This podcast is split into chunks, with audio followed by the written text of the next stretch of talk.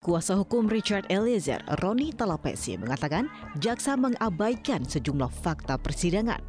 Di antaranya adalah Richard Eliezer tidak memiliki niat jahat untuk membunuh mendiang Yosua. Selain itu, jaksa telah mengabaikan fakta bahwa Richard Eliezer adalah justice collaborator yang konsisten membantu penegak hukum dalam membongkar kasus ini.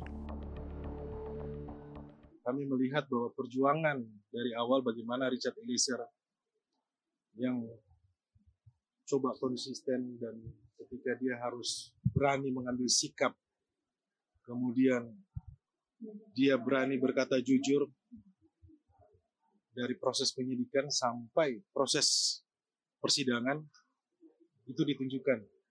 Kemudian kalau rekan-rekan menyimak bahwa hampir seluruh dakwaan ataupun berkas penuntutan itu adalah datangnya dari awalnya keterangan dari Richard Eliezer. Kemudian didukung oleh alat bukti yang lainnya. Yang ketiga, kami akan terus berjuang bahwa perjuangan kami tidak akan sampai di sini kami masih yakin bahwa keadilan ada untuk orang kecil. Wakil Ketua LPSK Susila Ningtyas yang mendampingi Richard Eliezer di persidangan juga kecewa dengan pembacaan tuntutan jaksa. Menurutnya status Richard Eliezer adalah seorang justice collaborator yang berhak mendapatkan keringanan sesuai Undang-Undang Perlindungan Saksi dan Korban kami kecewa ya menyesalkan dengan uh, tuntutan yang uh, terhadap Richard Eliezer uh, siang ini sore ini tetapi kami juga menghargai menghormati tuntutan dari JPU karena ini memang murni kewenangan JPU. Nah, yang kami sangat sayangkan adalah dan sesalkan adalah uh, surat LPSK berkaitan dengan status uh, JC-nya itu tidak diperhati, kurang diperhatikan. Jaksa penuntut umum dalam pembacaan tuntutannya menilai Eliezer turut serta bersama-sama dengan terdakwa lainnya merampas nyawa Brigadir Yosua Huta Barat. Hal yang menjadi pertimbangan jaksa antara lain terdakwa sudah mengetahui rencana jahat Verdi Sambo untuk membunuh Yosua, namun ia tetap menuruti perintah tersebut. Terdakwa Richard Eliezer yang seharusnya masih bisa mengurungkan dan menghindar dari rencana jahat sudah diketahuinya malah meneguhkan kehendaknya untuk menuruti niat jahat merampas nyawa almarhum. Basis, bahwa saksi Kotmar yang sudah mengetahuinya saksi Perisambo dengan sigap mengambil almarhum Nopriansa dan saksi Riki Rijal yang berada di halaman samping rumah nomor rumah Duren 3 nomor 46 di mana kemudian almarhum berjalan masuk ke dalam rumah dan ikuti oleh saksi Riki Wibowo dan saksi Kuat Marut bahwa pada saat almarhum Nopriansa Yosua tiba di ruang tengah dekat meja makan, saksi Perisambo menarik leher sambil mendorong almarhum Nopriansa Huta Barat ke depan sehingga terberha berhadapan dengan terdakwa yang sudah berdiri di samping saksi Perisambo yang langsung mengatakan jongkok kamu. Lalu almarhum Nopriansa sambil mengangkat tangannya sejajar dengan dada sebagaimana tanda penyerahan diri berkata ada apa ini. Selanjutnya saksi Perisambo yang sudah mengetahui dengan menembak merampas nyawa almarhum berteriak dengan keras kepada terdakwa dengan mengatakan, "Oi, kau tembak, kau tembak cepat. Cepat kau tembak." Selanjutnya terdakwa Sesuai dengan rencana jahat yang telah disepakati sebelumnya dengan berpikir tenang dan matang, langsung menembakkan senjata merek Glock 17 nomor seri MPY 851 ke arah almarhum sebanyak tiga atau empat kali mengakibatkan almarhum Nopriansa Joshua Barat jatuh terkapar dan bersimbah darah. Bahwa saksi Perisambo yang sudah menggunakan sarung tangan berwarna hijau hitam dan menggenggam senjata api memastikan almarhum Nopriansa telah mati maju ke arah almarhum yang sementara mengerang kesakitan, kemudian menembak almarhum yang telah mengenai kepala bagian belakang almarhum, yang almarhum mengakibatkan almarhum meninggal dunia.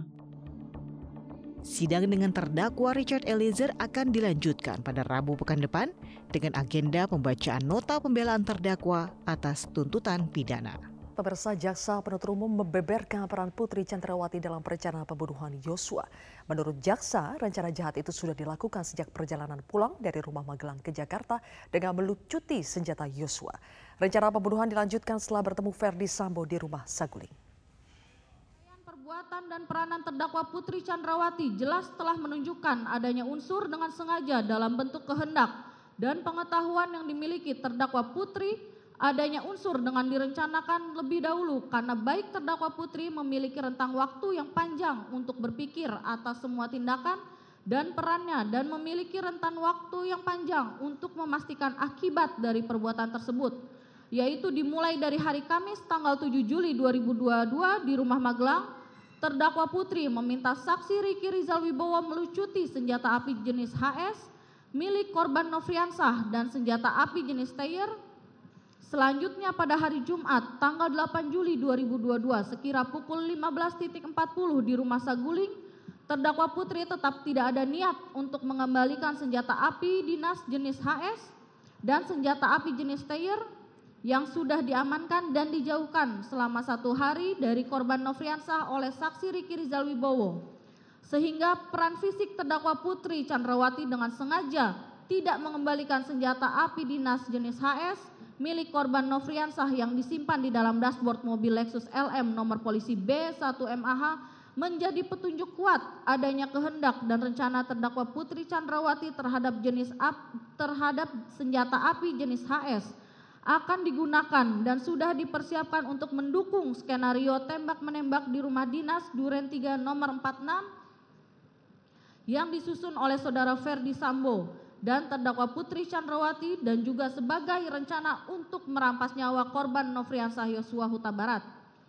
Terdakwa Putri Chandrawati tetap melaksanakan kehendaknya untuk merampas nyawa korban Nofriansah dengan sengaja tetap mengamankan senjata milik korban Nofriansah tersebut dengan cara memberikan arahan atau meminta saksi Richard Eliezer untuk menyimpan senjata api tersebut di lemari senjata api yang ada di ruang lantai tiga di rumah Saguling yang mana lantai tiga adalah private tidak sembarang ART atau ajudan dapat naik ke lantai tiga karena untuk dapat naik ke lantai tiga harus seizin dan perintah dari terdakwa putri atau saudara Ferdi Sambo.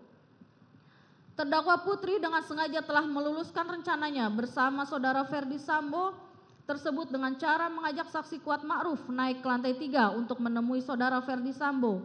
Dan hal tersebut menguatkan bahwa saksi kuat Ma'ruf mengetahui kehendak dan rencana terdakwa Putri Chandrawati merampas nyawa korban Nofriansah dan meminta dukungan kepada saksi kuat Ma'ruf dan juga meminta saksi Riki Rizal Wibowo dengan cara ikut berangkat ke rumah dinas Duren 3 nomor 46 seolah-olah akan melaksanakan isolasi mandiri padahal diketahui oleh terdakwa Putri Chandrawati bahwa saksi Riki Rizal Wibowo dan saksi Kuat Ma'ruf tidak melakukan tes PCR. Namun untuk meluluskan rencana yang telah dirancang dan disusun oleh terdakwa Putri bersama dengan saudara Ferdi Sambo meminta keduanya untuk ikut membackup terdakwa Putri Chandrawati dan saudara Ferdi Sambo saat pelaksana, pelaksanaan merampas nyawa korban Nofriansah. Terdakwa Putri yang sudah berkehendak merampas nyawa Nofriansah ikut mendampingi dan mendengarkan pada saat saudara Ferdi Sambo meminta kesanggupan saksi Richard Eliezer untuk menembak korban Nofriansah dan dijawab oleh saksi Richard Eliezer siap komandan. Dan terdakwa Putri ikut mendengarkan pembicaraan antara saudara Ferdi Sambo dengan saksi Richard Eliezer perihal pelaksanaan merampas nyawa korban Nofriansah yang mana pada saat saudara Ferdi Sambo menyampaikan berulang kali perencanaan Pemirsa Jaksa Agung Muda Tindak Pidana Umum Fadil Zumhana memaklumi keberatan banyak pihak terhadap tuntutan pada terdakwa pembunuhan Brigadir Yosua. Menurut Jampidum, jaksa sudah memaksimalkan pembuktian. Apa ibunda dari Yosua dan ayahanda Yosua. Kami berempati maka kami sungguh-sungguh meneliti berkas. Kami dorong perkara ini disidangkan. Ini kan sudah proses hukum. Kami dorong. Kami memaksimalkan pembuktian. Apa yang berkas dari polisi kan maksimalkan pembuktian. Lalu, jaksa menuntut sesuai keyakinan jaksa. Maka pedoman 3 2019 tadi semangat penuntutan itu di, di Kejaksaan Negeri. Kenapa? Karena dia tahu fakta hukum kok. Kami di sini kan hanya menganalisa fakta hukum. Yang tahu seperti situasi persidangan, situasi ketika sidang tahu jaksa. Sehingga jaksa menuntut itu, kami evaluasi. Sudah tepat atau tidak? Menurut penilaian Kajati, saya Jampidum, Pak Jaksa Agung sudah tepat itu itu.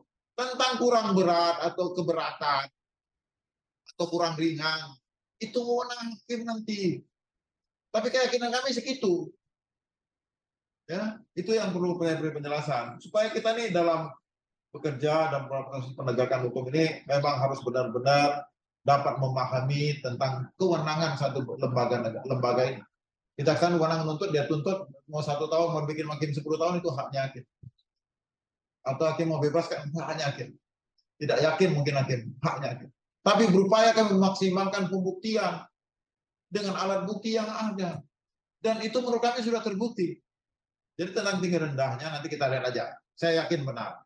Hakim ini uh, pasti dia uh, memiliki pandangan yang sama kepada, kepada kami. Karena fakta hukum ini kan nggak bisa berbeda, nggak bisa tukar. Sudah terlihat di persidangan.